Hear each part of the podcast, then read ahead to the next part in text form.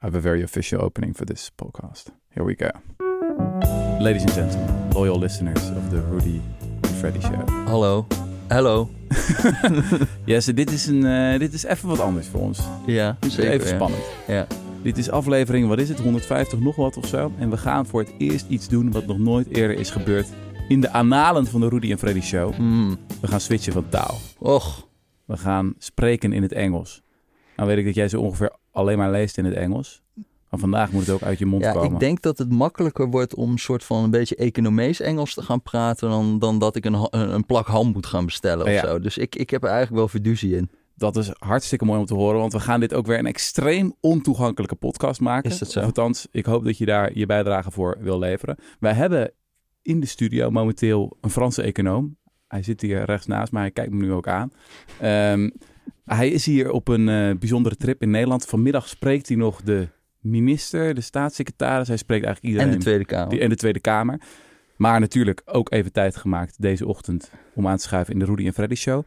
Mochten mensen nou eh, liever niet naar Engelse podcast luisteren, ehm, we kunnen het ook in het Frans doen. Nee, grapje, dat kunnen we niet doen. Ehm, er zal ook een transcriptie zijn. Dus eh, dan kan je naar decorrespondent.nl en het artikel vinden. En daar hebben we hem helemaal uitgeschreven en vertaald in het Nederlands.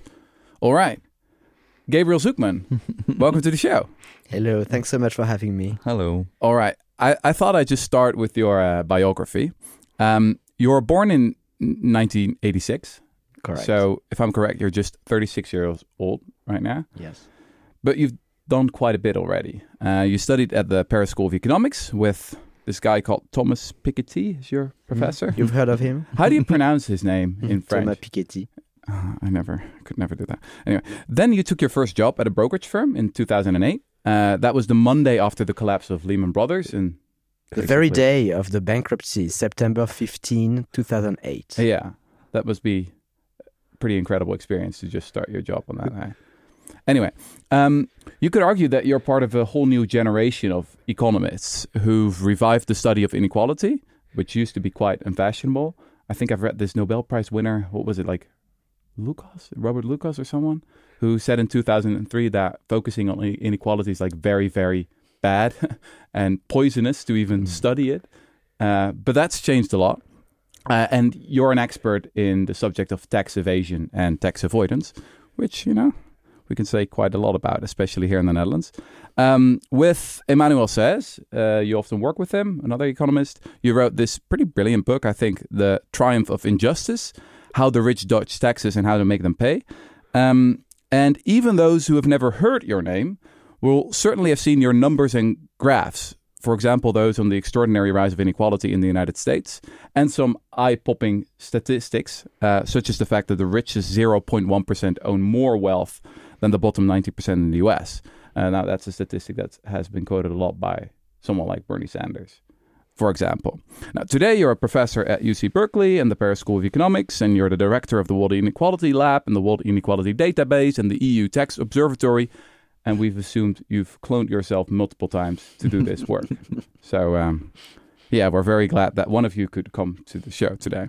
Um, now, I thought that before we get into all the boring numbers and really complicated tax evasion and tax avoidance debates, I thought it might be nice to start with some juicy details, if you're okay with that.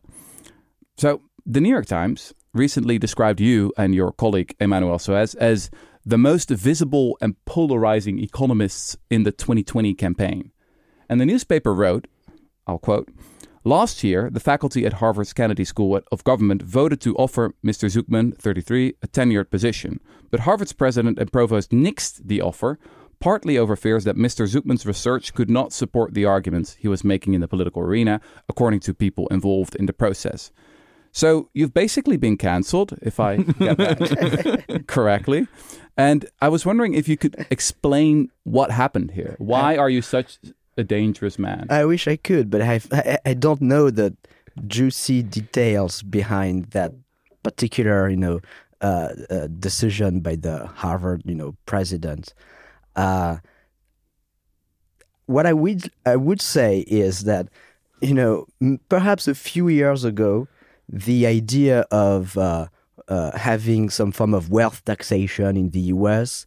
was uh, outside of the mainstream today it's very much part of the mainstream conversation. Uh, in 2021, uh, in his budget, President Biden proposed a tax.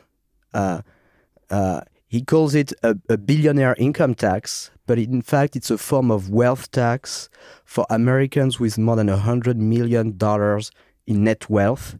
It's a big wealth tax, you know, taxing the, their stock of unrealized capital gains, uh, which is enormous, and then taxing in the future all their new unrealized capital gains to make sure that they pay a minimum amount of tax each and every year, even if they don't realize a lot of income.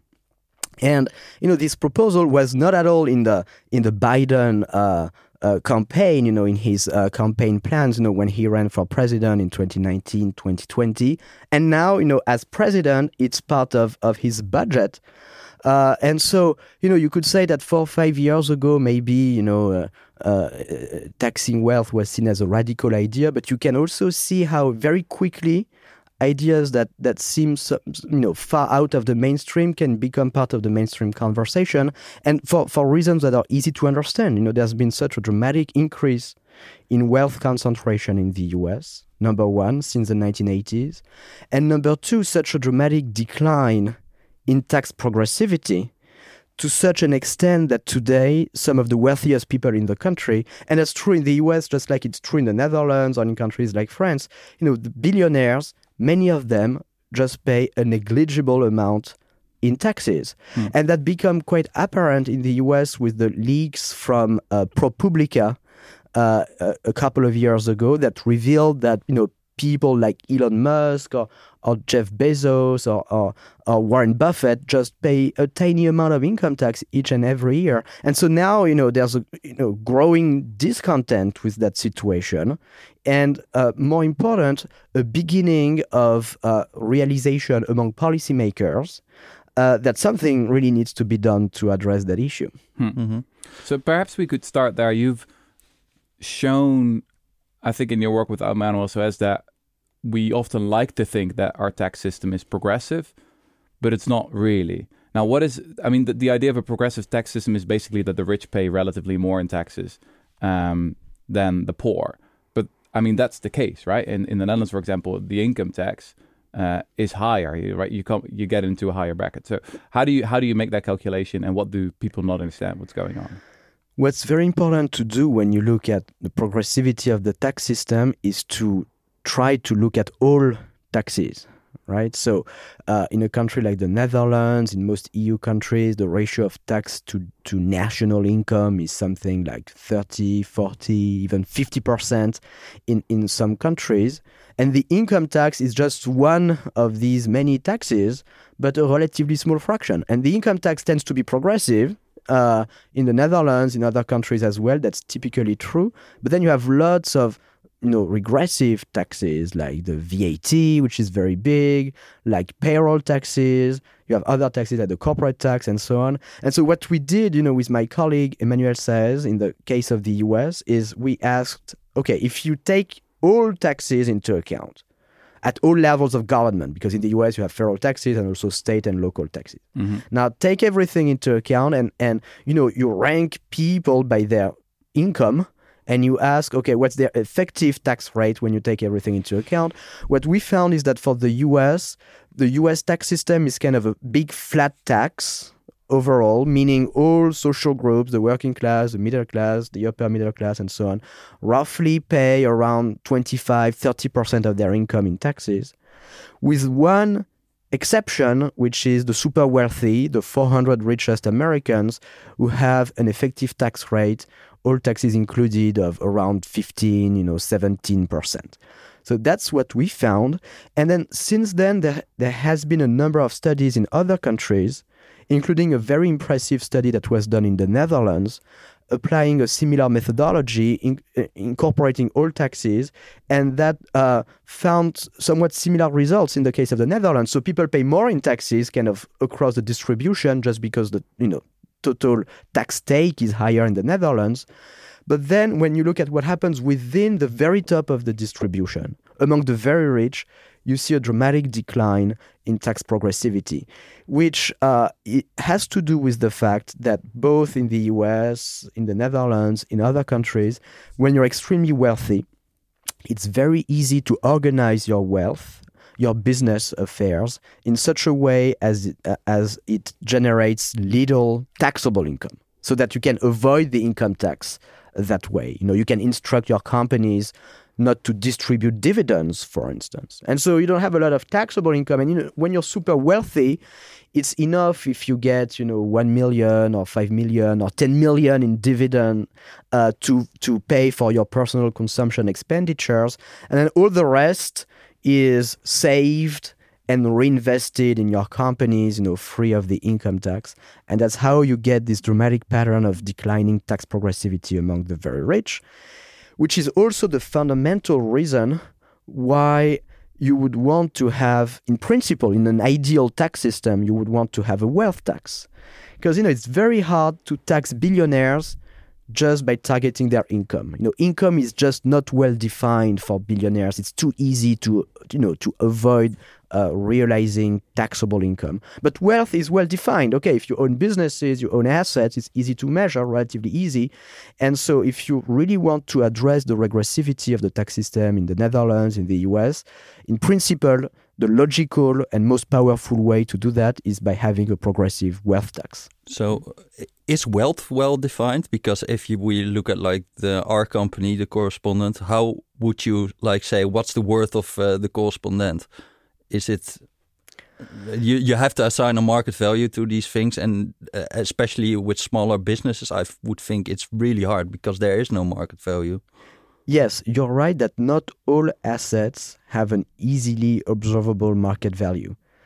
Uh, many assets do, like you know, real estate, shares in listed companies, uh, financial securities more broadly, like uh, stocks, bonds, you know, mutual fund shares. But then you have private businesses, and private businesses are important. It's an important source of wealth among the very rich. What's important to understand is that there are ways to value private businesses. You know, ask uh, people in the financial industry. They do that all the time. You know, when they do uh, merger and acquisitions, when they uh, uh give loans to companies, they always do a valuation of the private business to which they are lending money, for instance. And how do they do that? Well, it's quite simple. They look at the profits, the income of those businesses, they look at their sales, they look at their capital stock, they look at how similar companies that are listed on the stock market are valued by the stock market. So, what's the ratio of the market value to profits, the market value to sales, the market value to assets? They apply those ratios to private companies. They can account for illiquidity. They, give, they can give a discount for the fact that private firms are not listed. And you can come up with a number. And you know, it's done by thousands of people every day in the financial industry. Uh, in the Netherlands, where there's a very developed financial industry, in the US, in the UK, in France, all over the world, with uh, especially developed financial markets. And so it would be quite easy for the tax authority either to do it itself or to ask the very people who do these market valuations to provide the information to the tax authority that it then could use to say, well, you, the owner of a private business, the best estimate of the market value of your wealth is X, you know, is 1 billion euros. Okay, so you could do that, number one. And then number two, okay, what happens if uh, uh, business owners feel that the tax authority overestimates their wealth? Mm-hmm okay, maybe, maybe. I guess there will be a huge industry of lawyers and accountants who will. Because you know. if I would like the estate tax does something like this, but it's only once in a lifetime, and now you would have to do it every year for every business, and I I, I would think Which, it would be a very hard thing to administrate, but.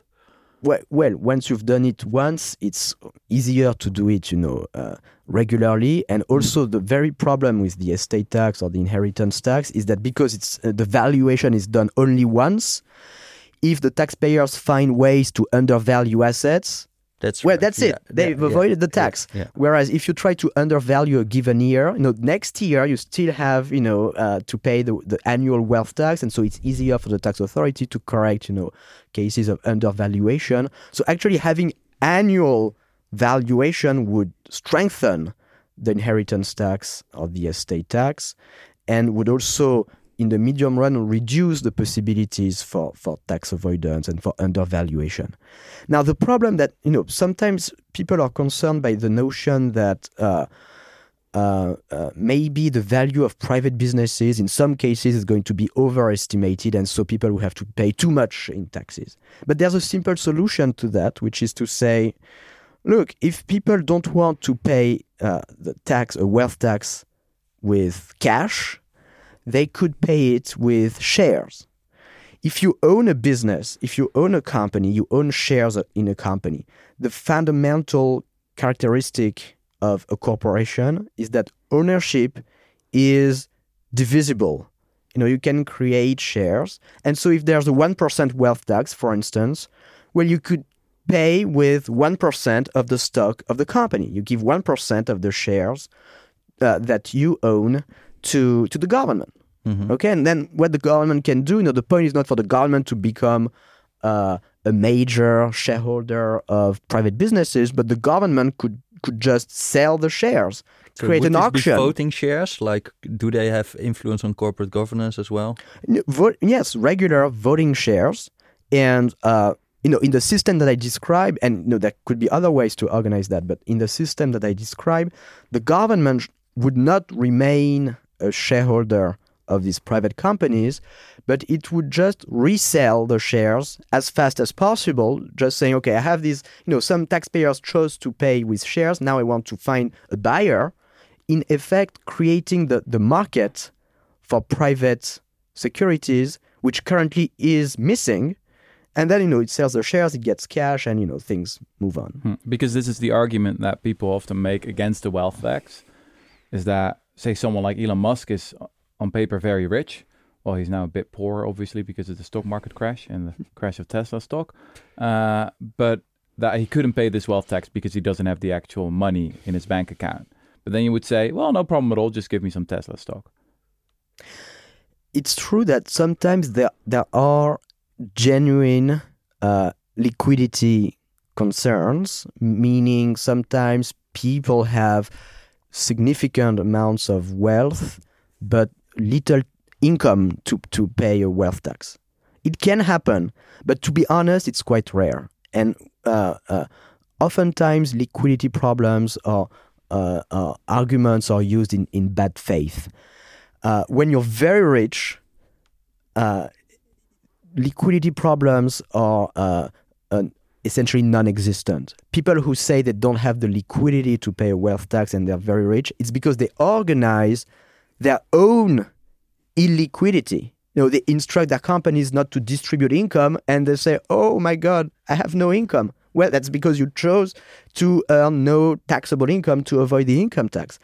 When you're super wealthy, by definition, you always have uh, the liquidity. You know, you can always use shares in your businesses to pay for a wealth tax, or you can always generate income.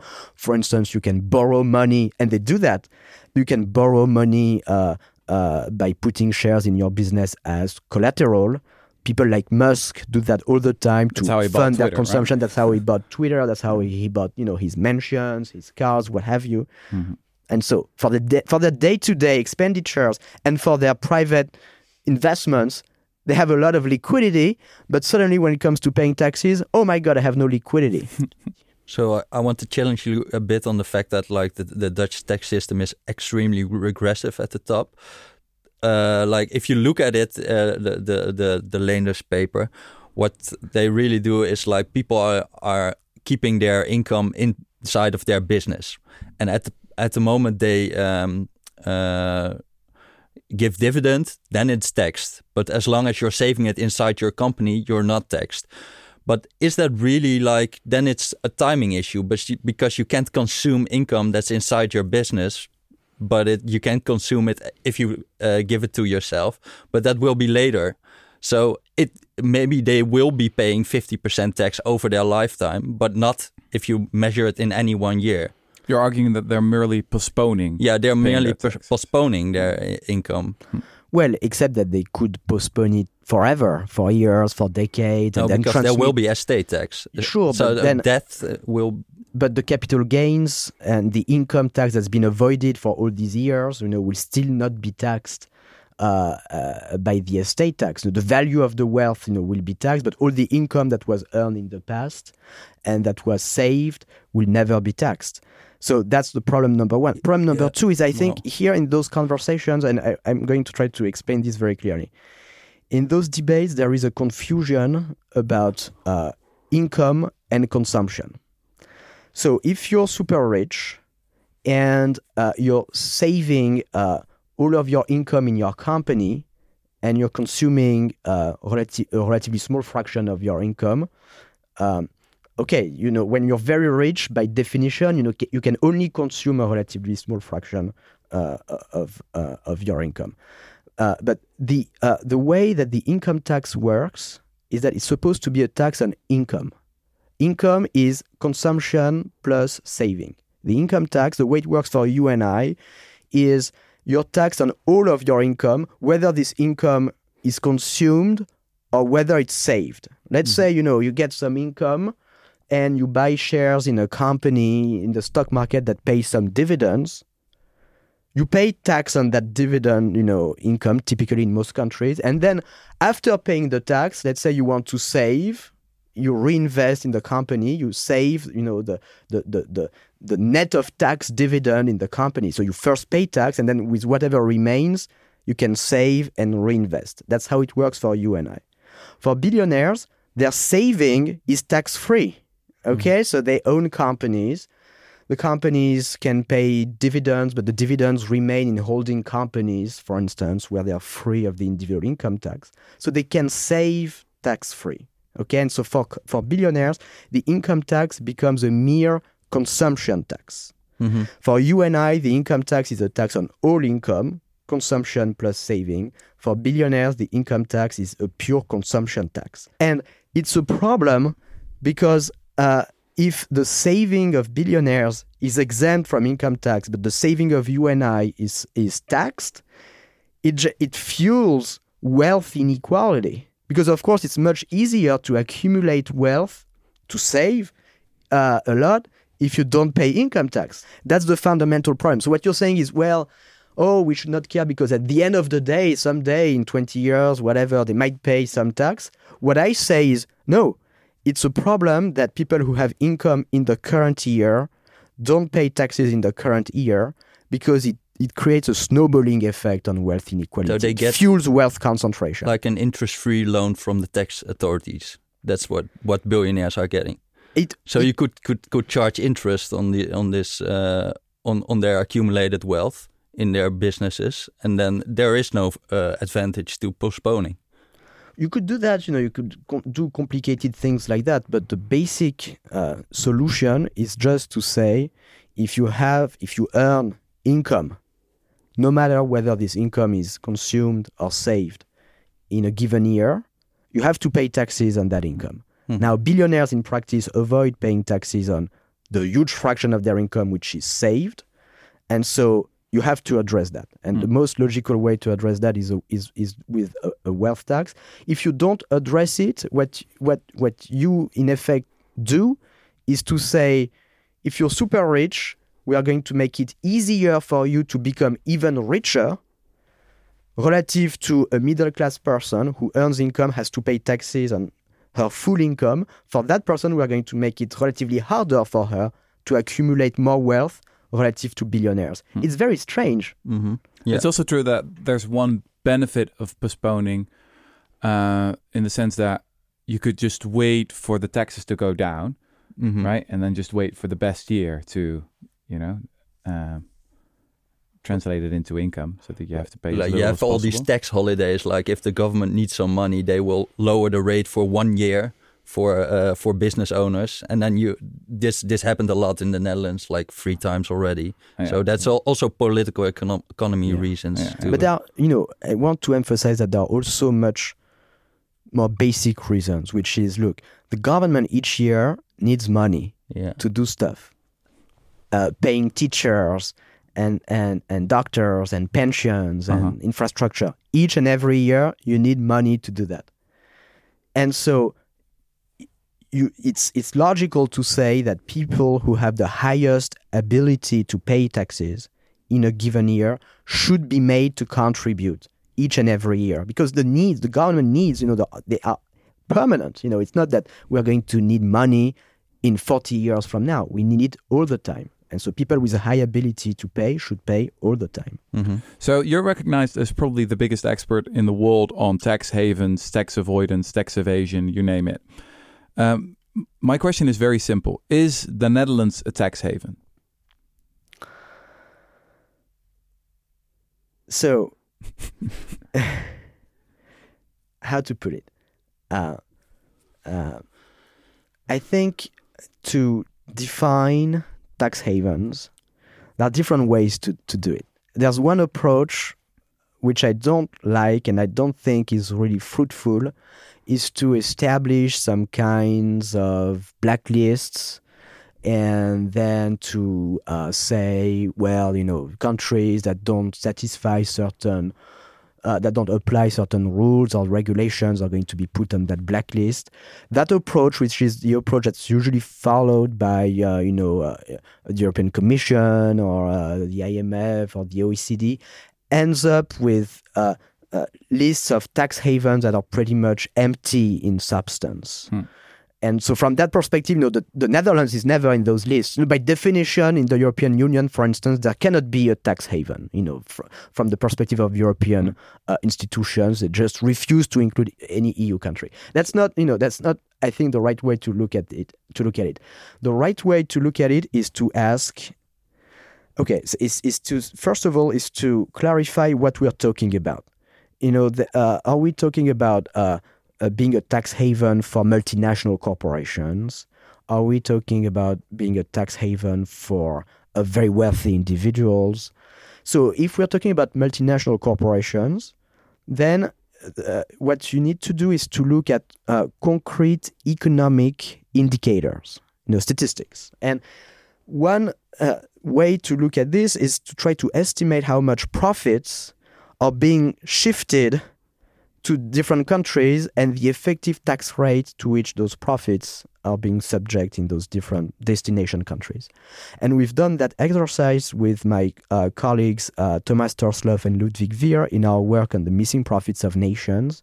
And a website, missingprofits.world, where you can go and you can see the estimates that we have of, of this, you know, profit shifting and the tax revenue gains and losses for different countries that are involved what we find is that the Netherlands is a prime uh, profit shifting destination for multinational companies globally. In 2019, which is the last year for which we have data, uh, a, bit more than $100 billion in profits were shifted by uh, multinational firms out of relatively high tax countries to the Netherlands, where they were subject to effective tax rates of, of about 6%. That's the estimates that we have. Uh, it makes the Netherlands a really important shifting destination, uh, a bit less important than countries like Ireland and Singapore, but you know, really towards the top of the ranking. Now, it's also true that there has been uh, uh, positive policy developments in the Netherlands since 2019 for instance, has been the end of the BV CV structure that was used a lot by US multinational companies. There's been the introduction of a, a tax on royalties of about 25%. There's been more transparency on, on tax rulings. So there's been, you know, significant progress. When we try to look at more recent data, however, it seems to be the case that the Netherlands is still a, a very important profit shifting destination. And the reason for that is because although the policies that I described, you know, are, are, are genuinely uh, going in the right direction, they are too limited. What you need to do to really uh, uh, curb profit shifting and multinational tax avoidance is to have a high enough minimum corporate income tax. Is to say, well, companies, let's look at how much income they make globally or in the Netherlands, how much taxes they pay in total globally or in the Netherlands, and let's make sure that the ratio of taxes to income is high enough. And that's still not the case in the Netherlands. And you know, there's going to be a bit of progress starting next year, you know, in 2024, when there's going to be the implementation of the global 15% minimum tax in the European Union.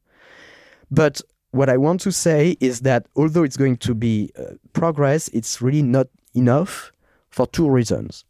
Number one is that uh, 15% is really a, it's a low rate. You know, uh, uh if you look at the study of, of tax progressivity uh, in the Netherlands by by Wouter and co-authors, you can see that for the working class, the middle class, the upper middle class, you know, effective income tax rates, all taxes included, when you include the VAT, payroll taxes, are like 30, 40%.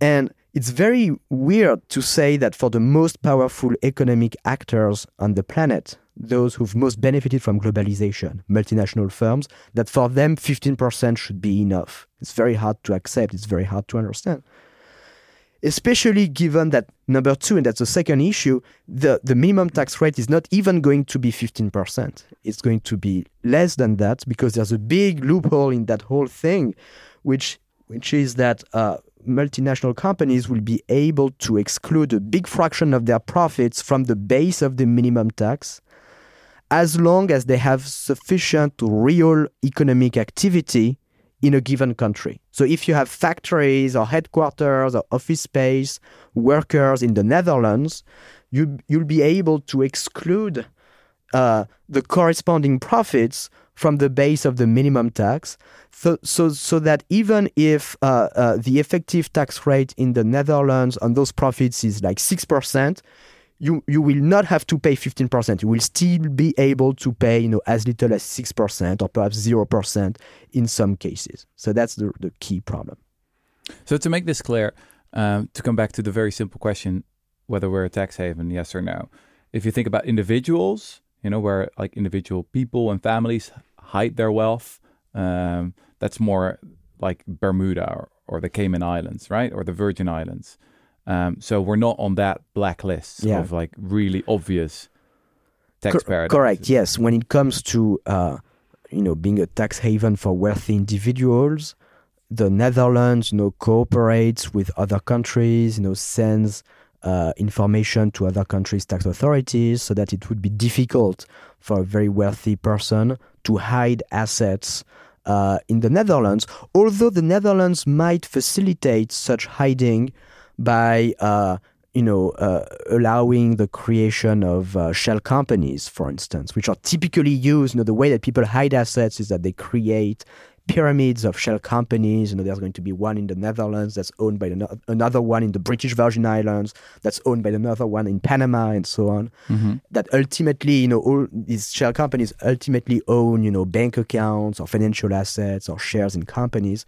So to the extent that the Netherlands and Dutch shell companies are used in that pyramid, mm-hmm. the Netherlands might contribute a little bit to uh, to uh, global uh, uh the global hiding of wealth. But it's not a key player mm-hmm. uh, in that uh, space. It is, however, a key player in corporate profit shifting, in tax avoidance by multinational firms. Mm-hmm. But you just, just said like your data ends in 2019, and there has been a lot of, uh, I think people will say there's been a lot of progress. Like the Dutch central bank recently came out with some numbers that outgoing flows of royalties and interest uh, to uh, like actual tax havens and it's like how do you define this? But it's like uh, jurisdictions with zero percent corporate tax. They have just like uh, there there are no more outgoing uh, money flows to these jurisdictions. They've really plummeted. Yeah, they, so plummeted. I mean, look, look, th- thirty-six point four billion in 2019 to an estimated 1.5 billion in 2021. So I was, to be honest, I was quite impressed with those numbers. That I mean, if you I, look I'm, at the graph there, it's it's quite an impressive. But now they are all going to Ireland, I think. I'm you not, don't look impressed. I'm, I'm, not very impressed because okay. look, look, you introduce a tax on royalties. Uh-huh. Uh, before it was tax free, now it's taxed at twenty five percent. sure, you know, uh, payments of if you focus on payments of royalties, you're going to see some effect. It's not it's and, and But it's also a big, interest a big and effect, dividends. and it's not so surprising. But there are so many many ways for multinational companies to move income around to shift profits that you know you you need to take the big picture. If you mm. just focus on a very mm-hmm. specific type of financial flows then you can see oh there's a dramatic decline therefore we must be doing something very good. But what you need to ask is okay now if i take or if i take a comprehensive view and i ask how much profits at the end of the day no matter how the profits end up being shifted in the netherlands whether it's through royalty payments or, or intra-group borrowing or the manipulation of transfer prices no matter how they end up being in the netherlands how much profits are being shifted to the netherlands and how much taxes are being paid on these shifted profits there you know i don't i don't know of any data set that would show significant uh, improvement uh, here. Uh, you know if the, the, the, the collapse of, of royalty payments uh, is both due to the introduction of the royalty tax, but also the end of the infamous uh, double Irish with a Dutch sandwich. You know, the Dutch sandwich was uh, precisely, you know, uh, Dutch uh, shell companies uh, receiving income from Irish firms and then repaying that income to, to shell companies in Bermuda v- via a royalty payment. And then Ireland, not the Netherlands, you know, Ireland said uh, uh, in 2020 they, they phased out this uh, arrangement, this double Irish with a Dutch sandwich. And so the one of the prime, one of the main users was uh, uh, Alphabet. And uh, we know from uh, corporate registries in the Netherlands that uh, in uh, 2019, you know, the year just before the end of the double Irish, uh, uh, Alphabet uh, shifted close to 20 billion euros in, in revenues to Bermuda via the Netherlands and mm-hmm. the royalty payment from the Netherlands, then ultimately to Bermuda. Mm-hmm. And it ended in 2020 because Ireland said, you know, "We- we're not going to allow that scheme anymore. Mm-hmm. And so, yes, these types of flows have disappeared. But here, to be honest, I, you know, you have to give credit to Ireland, not to the Netherlands. So I first heard your name. It was like eight years ago of, or more, uh, and it was about uh, this paper, "The Missing Wealth of Nations," and uh, I found this a really exciting paper because it was like a sort of a statistical detective story where you were using all these statistical discrepancies in international statistics to get a, a really important question like how much tax is being evaded. So avoided is legal, but unethical maybe but evasion is just like putting your uh, money in a swiss bank account and not mentioning to the tax authorities and i That's don't actually illegal. You that's can, actually illegal yeah they should put you in jail for that. They do don't do that obviously, but yeah yeah yeah, most of the time. But it's but really illegal. these were like the first really trustworthy numbers can you kind of explain what you did there and uh Yeah. Uh, so, uh, look, I, I uh, uh, starting doing research around 2009 uh, at the time of the global financial crisis, and at the time. I was very interested in understanding what was happening, you know, with that crisis, and I started looking into international macroeconomic statistics in which you see two interesting things. Number one, you see hundreds of billions of dollars flowing in and out of places like the Cayman Islands and so on. And I thought, wow, you know, uh, very few economists were talking about that at the time. There was very little research. Uh, journalists were writing about this, people in NGOs, but there was very little economic research. And so I wanted to understand the story a, a bit, as you said, as a detective. Like, what's the the true crime? You know, what's what's the reason behind all those uh, hundreds of billions, you know, f- uh, going through offshore financial centers? Um, and then there's another uh, kind of striking feature of this data is that if you add up all the uh, international assets of countries and all their international liabilities, in principle, it should be the same. Okay, because if a country has an asset, uh, owns a claim on another country, that it's a debt for that country, and so if you add up everything, a global uh, cross-border assets should match liabilities, unless you know we have uh, assets uh, on Mars and uh, and other planets, which is not yet the case. So, but the problem is that things don't add up. They don't add up at all. You know, there's a big gap, meaning that global cross-border assets are significantly lower than global cross-border liabilities. And I was not I, I, I was not the one who discovered that gap. It's been noticed for a very long time, you know, since the 1970s, 1980s. You know, the IMF commissioned a number of reports to try to understand the reason, to improve statistics. And, you know, there are some data issues that can explain some of it, but what I, I uh, understood is that, in fact, a big reason behind that gap is precisely the fact that people hide assets in tax havens. And let me explain why this is the case. So let, let's take, you know, um, a Dutch uh, household who wants to hide money in Switzerland. And so that uh, household is going to have a bank account in Switzerland. And what's what's very important to understand is that when people have uh, offshore bank accounts, they don't let the cash idle, you know, in, in low yield bank deposits. They make investments. So they buy securities, you know, equities, bonds, mutual fund shares. So let's say that this Dutch household on, on, on their Swiss account, they own uh, shares in US companies like Microsoft. What's being recorded in the data is that uh, the United States re- records a liability. They see that some foreigners, they see a Swiss bank that ha- has holdings in the US. That's a liability for the US. Mm-hmm. Uh, the Dutch uh, uh, statistical uh, offices and central bank they don't record any assets because they have no clue that this household has, has this Swiss bank account, mm-hmm. so they don't record an asset. And people in Switzerland they see all of that, and but they say, well, it's not an asset for Switzerland because this bank account doesn't belong to a Swiss person; it belongs to a, a Dutch household, so it's not an asset or a liability for Switzerland. Mm-hmm. So they mm-hmm. don't record anything. And so that's how you get a mismatch. You know, you have fewer assets than liabilities that are recorded globally.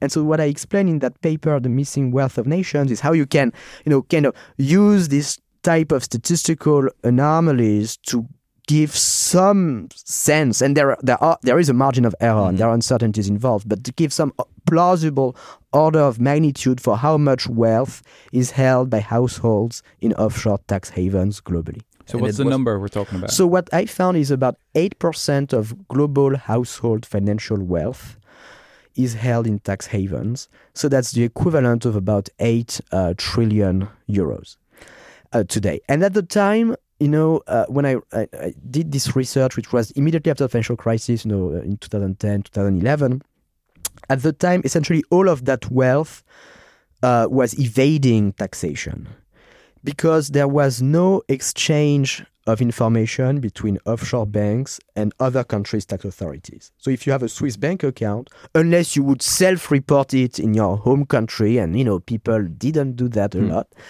Uh, unless you would self-report it, then you would not pay taxes on any income. So we know that there are an, are an enormous amount of criminals, basically, like very rich criminals, because we see the evidence of their crime. Yeah, right? like you've you've basically found the body or the bodies, I should say, yeah.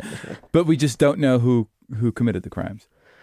Um, like who specifically? I mean, we have sort of an idea what kind of person it might be. You're right. That you know, with macroeconomic data, you see the numbers, you don't see individuals. Yeah. What happens since then is that you've had a number of uh, uh, major uh, data leaks from uh, offshore financial institutions, you know, starting with the Panama Papers in 2015 and then many others, you know, in subsequent years. What I want to say is that there's been um, important change since 2010, 2011. Back in the days, all of that offshore wealth was evading taxes. Nowadays, uh, it's much less true because there's been significant progress in terms of uh, information exchange between countries. Before 2017, there was an almost complete bank secrecy, meaning that banks in tax havens wouldn't send, usually wouldn't send information about their customers to other countries. Since 2017 2018, there's an automatic exchange of bank information where each year, automatically, Swiss banks, for instance, have to report uh, uh, about uh, the identity of their customers, how much wealth they own in their Swiss bank account, how much income they earn, and they inform you know, the Dutch tax authorities, the French tax authorities, and so on. it's really a big change, you know, Yeah. from complete bank secrecy to now, in principle, you have these regulations that say every year you have to do that. Now, of course, it would be a tiny bit naive to believe that the very people who, for decades, have been helping their clients evade taxes now are honestly cooperating with all the world's tax authorities. You have to remember that, you know, uh, these are the same people who uh, have been hand- handing uh, bank statements uh, concealed in sports magazine or smuggling diamonds into toothpaste tubes, you know, on behalf of their clients. And now we're we're asking them to be very honest, please, be very transparent about uh, how much wealth you you manage, uh, and tell us everything. And you know, some of them, perhaps many of them, are, are, are honest and and uh, people and and abide with the laws and provide the relevant information. But I, I'm sure that some of them still uh, find ways to claim that they don't have uh, Dutch clients and don't send the relevant information to the tax authorities. Yeah, but but this is kind of an amazing story because the Swiss bank secret was like from the 1930s, and we we kind of accepted that they were uh, uh, helping criminals for like 70 or 80 years, and suddenly it was it wasn't even Europe that uh, brought uh, Swiss bank secrecy down; it was the United States. Which is very odd when Yeah. you think of it because uh, uh, what the data shows is that uh, uh, there, there, there, there was there is much more European wealth in Swiss banks uh, than U.S. wealth. Yeah. Uh, it's a really a big problem for, for EU countries, uh, even more so in the past, and and yet it's the U.S. that took action against Swiss banks originally by threatening them with economic sanctions if they refused to cooperate. Why did the US do that? with the IRS. Um, uh, it's a good question. You know, why, why? It's first of all, why is it the US and not EU countries? It should have been EU countries. Yeah. Uh, why did the US do that? There was the political will, you know, at the beginning of the Obama administration, in the context of the global financial crisis, to be tougher on on crime in the financial industry. Because one of the big lessons of the crisis, of the financial crisis, is, you know, the extent to which across different lines of business in the financial industry, you had severe uh, non-compliance with with the law. You know, to to say it politely. You know, whether it's mortgage fraud, uh, whether it's uh, price fixing on Libor, whether it's uh, money laundering, whether it's uh, uh, helping tax evasion, and a number of prominent banks, you know, were, uh, pleaded guilty of, you know, for instance, criminal conspiracies to defraud the IRS in the U.S. And so there was some attempt at the beginning of the, of the Obama administration to say, well, you know, we need to to be, you know, to, to, to, fight this type of, of, of financial crimes. Um, and uh, and so what the US did is they said, well, if you don't send uh, information, then we will impose pretty stiff sanctions, you know, pretty high withholding taxes on, on on interest and dividend payments made by the US to Swiss banks. And under the threat of these sanctions, Swiss banks agreed to cooperate. And then other countries look at that and say, well, you know, look, if you are sending information to the US, you can also send information I think to we us. actually had an agreement with like a most favored nation clause that if they are doing something for the United States, they have to do it for the European Union as well. Hmm. So it's basically that they did it, so we could force them to abide to their agreements Yeah. and, and give uh, tax information to us as well. But it's crazy that we didn't do this before and that the US had to use like a very big stick to do it. Yeah, a- and what I want to say is that sometimes people think that oh, we, the Netherlands or France or even the EU as a whole, we cannot do much, and we should wait for the US to do something, and and. Uh, it's just it's just wrong, you know. eh, There's a lot that can be done by unilateral action, even by much smaller countries than uh, than the US, and even more so by the EU as a whole, which is you know even bigger than the US in terms of population, you know, uh, as big in economic terms as the US. But this kind of ties into an, an another topic. Uh, like it's really important that the tax authorities have the right information and they have a right, good information position. You have a recent paper now on the French wealth tax, uh, where you kind of show what happens if uh, if uh, uh, the tax information is uh, less, and then you see a lot less uh, people reporting their wealth. So you also have plans for like a global asset registry, where we kind of know what each person owns. Can you talk a bit about that? Yeah, it's very important to, to create more financial transparency if we want to address lots of issues, including tax avoidance, including regulating inequality, including uh, implemented effective and targeted sanctions, you know, for uh, uh, Russian uh, oligarchs, for instance.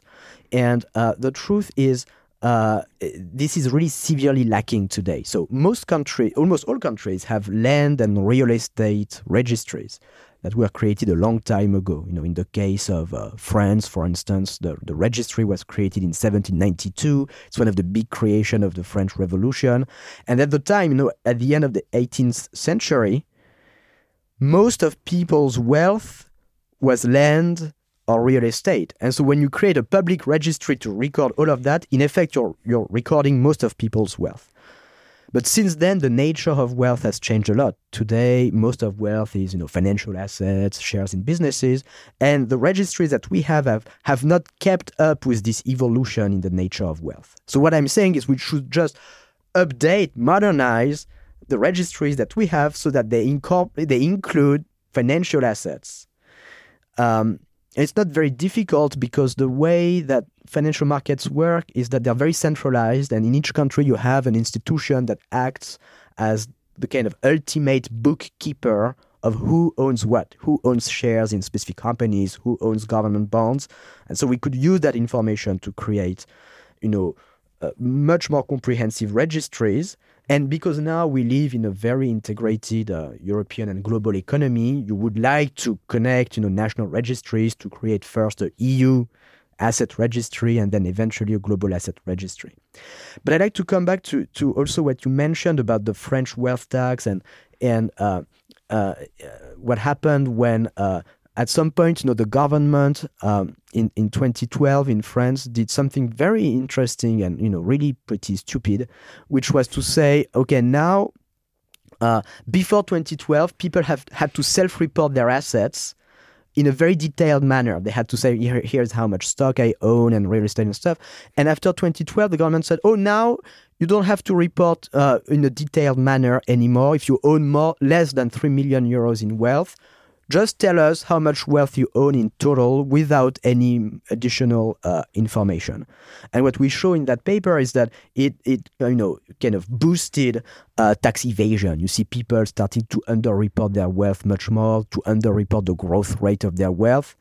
And the reason why it's interesting is that it illustrates the dramatic uh, policy and intellectual failure with uh, the way that wealth taxation was implemented uh, in in many European Union countries, you know, up until recently. So it's an it, it's something that uh, opponents of the wealth tax frequently mention. They say, well, there's a long history with wealth taxation, which is true, and uh, it's in many countries it didn't really work very well, which is also true.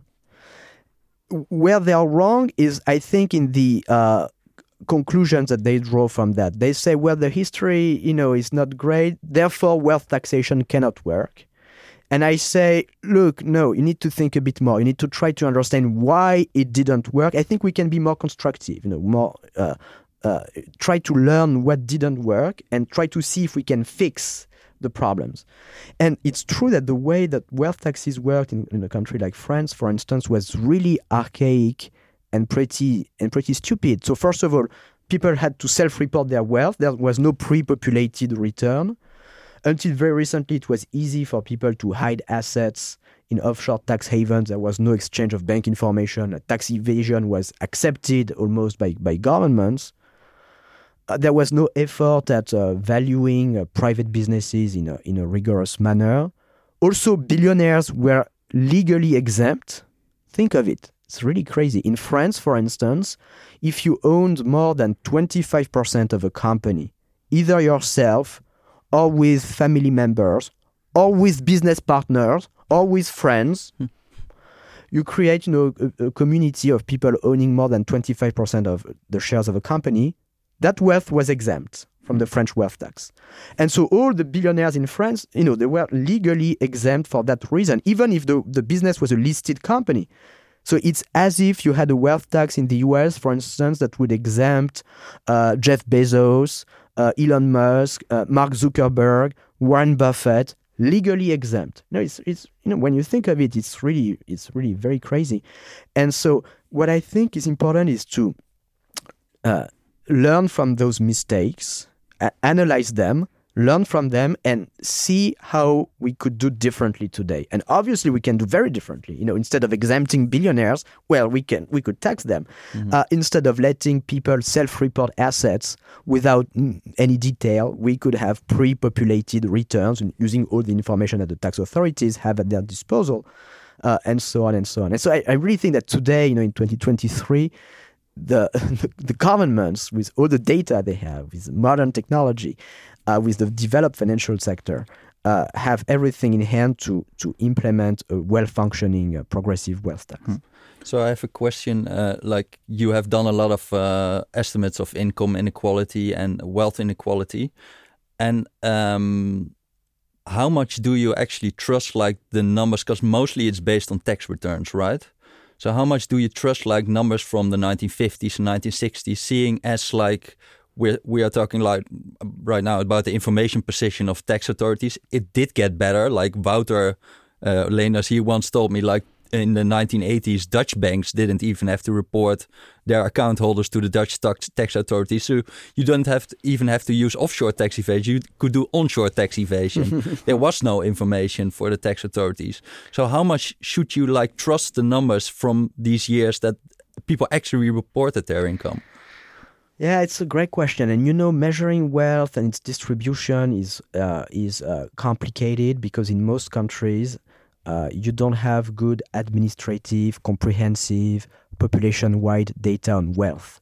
And so, what you have to do is to combine different data sources to make assumptions you know to to uh, in a in a somewhat pragmatic and somewhat ad hoc manner and so there's necessarily quite a lot of uncertainty involved uh, in in that. And by the way, you know the the, the, the an important argument I think and a, a, merit for progressive wealth tax is that it would create much more uh, certainty and much better information about uh, wealth, about who owns it, about how it's distributed, about how you know wealth inequality is evolving, which is a major uh, uh, you know, question in the democratic, uh, in the policy debate, in the public debate in many countries. But we don't have that, uh, and so you, you, know the, the, the, the, estimates are uncertain, and even more so, you know. Exactly back in the days, you know, in the post World War II decades, I've tried in my own work. You know, one of the reasons why I was interested also in in tax havens, in offshore wealth, was precisely to try to estimate the extent to which we uh, miss some of the wealth held by the rich and how this might have changed over time. No, how we can improve me- the measurement of inequality. And so I've tried to construct series that are corrected, you know, for the effect of of uh, offshore wealth. But uh, you know, of course, the uncertainties involved are, are you know significant. Yeah, because I have to confess, like I've kind of fallen out of love with wealth inequality estimates. That I find it very hard to make comparisons through time and through countries. Like there are so much things happening. For example, one thing I I I have a bit of problems with is like, so the welfare state is a very close substitute with private wealth. So you might say if we have a social security system, you don't have to save yourself. Uh, because the state uh, already insures you for like pensions. Well, uh, it, it, insures you for medicals. You, you, you can say just the opposite. You know, if there's a, a developed welfare state, uh, meaning you don't have to pay a lot for your child's uh, education or for healthcare out of pocket, then you can save more. It makes it easier for you to save because you don't have those crazy uh, expenses for uh, for uh, health, for education, and so on. So the effect of the welfare state, it's a very interesting question. Yeah. The, but the effect of the welfare state on uh, private saving and private wealth accumulation is actually ambiguous. It's not clear at all that with a bigger welfare state, you should get less private saving and less private wealth. You can get exactly the opposite. And in fact, when you look at the evolution of wealth and saving uh, in European countries, uh, what you see is that uh, with the development of the welfare state, you know, uh, post World War II, if anything, there's been an increase uh, in private wealth, and in fact, a sharp increase in private wealth. And when you look at private saving flows, you know, the fraction of income that's saved each and every year as a fraction of income, it's actually very stable mm-hmm. over the long run. You know, in countries like France, UK, you know, US, around you know, for France, it's like ten percent of national income back to the early 19th century, despite enormous changes in the size of government, in taxation, in the welfare state, and so on. So I just wanted to clarify that it's a it's it's a super important question, mm-hmm. but the, the notion that a bigger welfare state means there's less need to to save, and so you know there's less private saving and private wealth becomes less important, less relevant. I think is is is misguided because the reality is that private wealth has become much important, much more important today than it was in the past. And you know, ratios of wealth to income have been rising a lot. But isn't that uh, just declining interest rates? Like, of course, ratios of wealth are increasing if interest rates have been on a decline for forty years. But uh, it started even before the, the, the, decline in interest rates. You know, it's I think it's really a broader phenomenon. I, I don't want to say that declining interest rates are not are not part of the story. They might be a part of the story.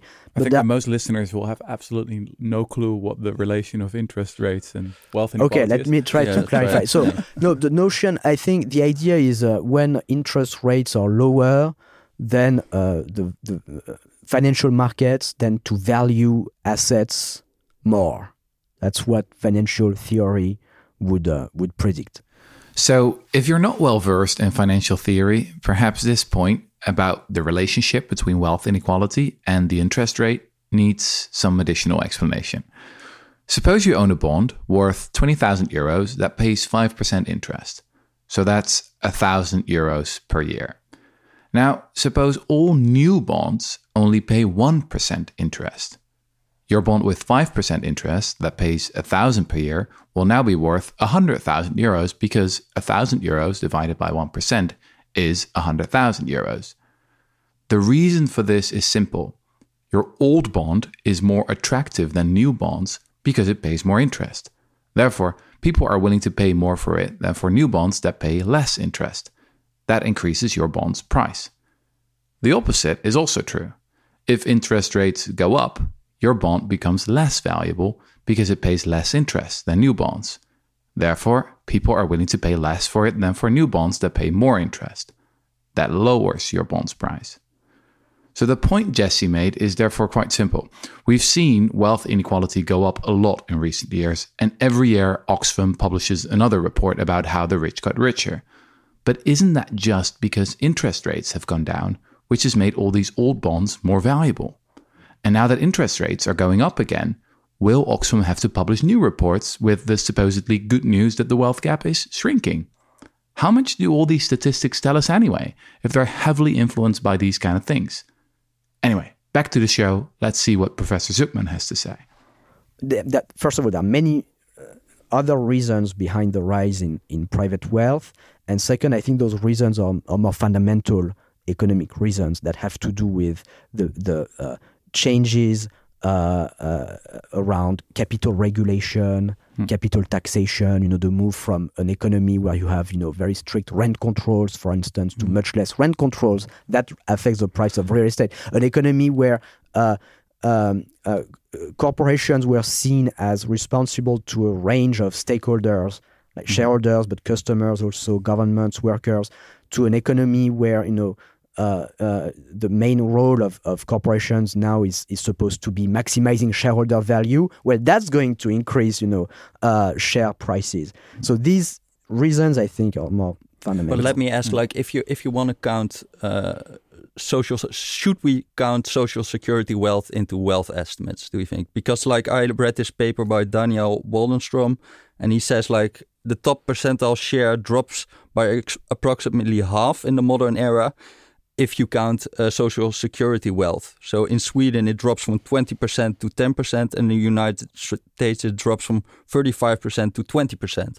So obviously, it matters a lot if you like count social security wealth into your wealth estimates. Sure. I mean, why not? You can you can do that. You can also try to count as wealth. You know the uh, the present value of other future government uh, transfers, like the present value of what the government is going to spend for uh, education mm-hmm. for your children, or the present value of future government expenses for your healthcare. You know, uh, uh, when you're old, you you can do that. The problem, I would say, then it becomes just very hard to to estimate those things because there's no there's no you know observable uh, value. These are not assets that can be bought or sold on the market. Same holds for closely held No, because like, a closely held corporation you can buy and sell shares. But you can buy life insurance, and it's close proximate to, to uh, you uh, can, social you, security wealth. You can. Th- those things are assets that can be that can be. Uh, uh, exchanged, you know, and there's a value on some financial market, but you cannot sell your rights to uh, Uh, uh, social uh, future social security payments. You cannot sell your rights to future uh, publicly funded healthcare spending. look, if you need money tomorrow, let's say you lo- you lose your job, you're unemplo- unemployed, and you, you need money. You know, if you have assets, if you own a company, you can sell that company if uh, you own uh, if you have uh, money on a bank account you can use that money from your bank account. You know that's wealth. That's a tangible thing. You know you can use it. The present value of future social security spending you cannot use it. You know so, it's just something else. I'm not saying that those computations are, are, are useless.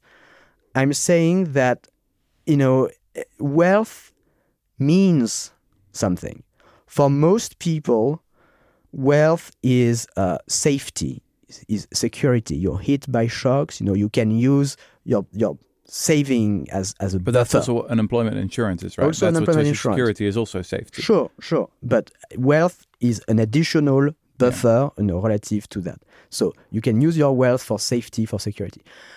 Wealth for the super rich is not security, is not safety. You know, it's it's power. You know, it's the power to influence. Uh, ideologies, the power to influence uh, uh, policy or political decisions, it's the power to uh, you know buy media, to uh, the power to buy new entrants. I think we agree with all of that. I think the point Jesse is making is that it's so hard to make all these comparisons. So, for example, very often the Netherlands is at the top of the list of countries with relatively high wealth inequality.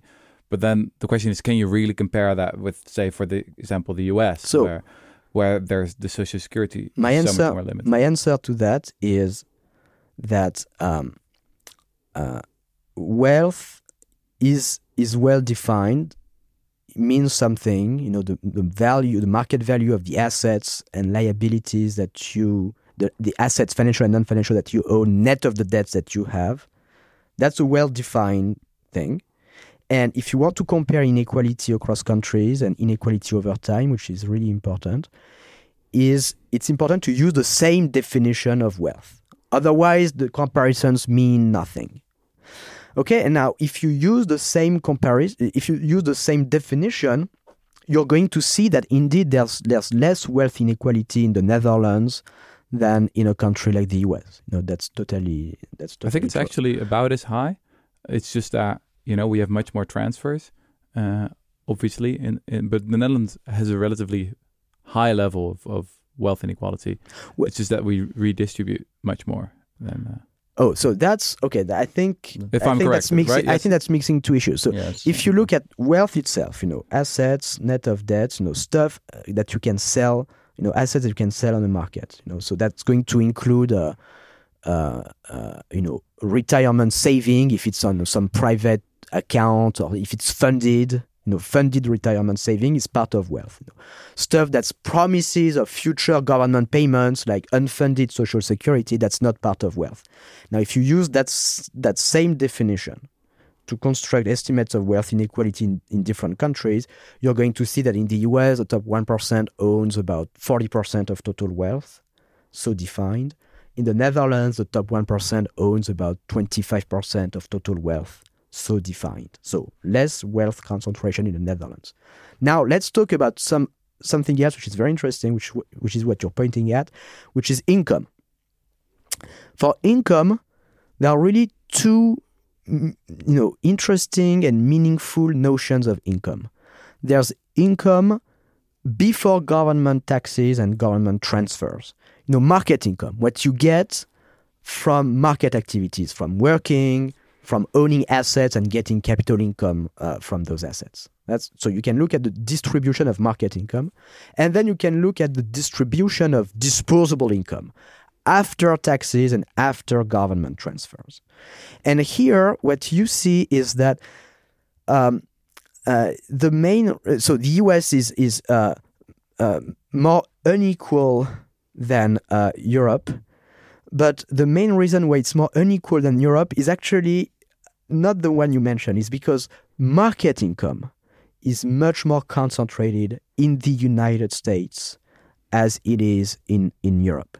It's really pre-distribution that matters. So you see you, you see it intuitively when you see things like uh, CEO pay in the US. Mm. Yeah. You know, it's common for CEOs to be paid tens of millions, sometimes even hundreds of millions of dollars. That's much less frequent in Europe. It, you see it when you see uh, uh, medical doctors pay. It's common. It's common for doctors to be paid a million dollars a year in the US. Think of that. You yeah. know, it's not happening uh, here in the Netherlands or in, in other EU countries. So uh, it, when you look at the minimum wage, at the other hand, uh, at the other end of the spectrum, in the U.S., the federal minimum wage these days is uh, seven point five dollars an hour. It's been fixed in nominal terms. It's not been adjusted. It's been fixed in nominal terms since uh, 2008. Now it's really very, very, very low you know, in, in many EU countries, uh, when there's a minimum wage, it tends to be uh, indexed on, you know, inflation, mm-hmm. sometimes mm-hmm. more than inflation. And so it's been rising much more than in the US. Long story short, there's more wealth inequality in the US than in Europe. There's more market income inequality in the US than in Europe because that's kind of fascinating. If you look at the uh, the the, uh, I think I read in somewhere in some paper like the U.S. tax system is more progressive than the European tax systems because it has like we have a sales tax which is really large. Well, it, uh, and and the U.S. just lacks a sales tax altogether. or a, yeah, like you have states, but it's way smaller as we show in, uh, in our book with Manuel Saez, The Triumph of Injustice, the US tax system is not super progressive. Now, as I said, it's a kind of flat tax that mm-hmm. becomes mm-hmm. regressive at the top. What is true, however, is that things are worse in in many EU countries. Yeah. Uh, even worse than that. So with uh, you know higher tax rates for relatively low income workers, because of uh, very big uh, consumption taxes, the value added tax, which doesn't exist in the US, although the US has a ton of consumption taxes, it doesn't have this big VAT that we have. Mm-hmm. And because of higher payroll taxes. So the working class, middle class pay more uh, in Europe than in the US. And billionaires in the Netherlands, in France, pay even less than American uh, billionaires that's something that I discovered, you know, with the work that was done in, in the in the Netherlands that we mentioned, but also there's recent work in France where they did a study like in the Netherlands, very granular, uh, uh, linking uh, uh businesses to their owners and looking at okay, what's the real effective tax rate of uh, the super rich in France? And what they found is that for the th- 370 highest earning households in France, which is the top 0.0001%, their effective income tax rate is 2%. 2%. Hmm. Now, if you look at one, one step above, you know, the 37 highest income earners in France, what they found, so billionaires, mm-hmm. the French billionaires, what they found is that their effective income tax rate is 0%. Zero.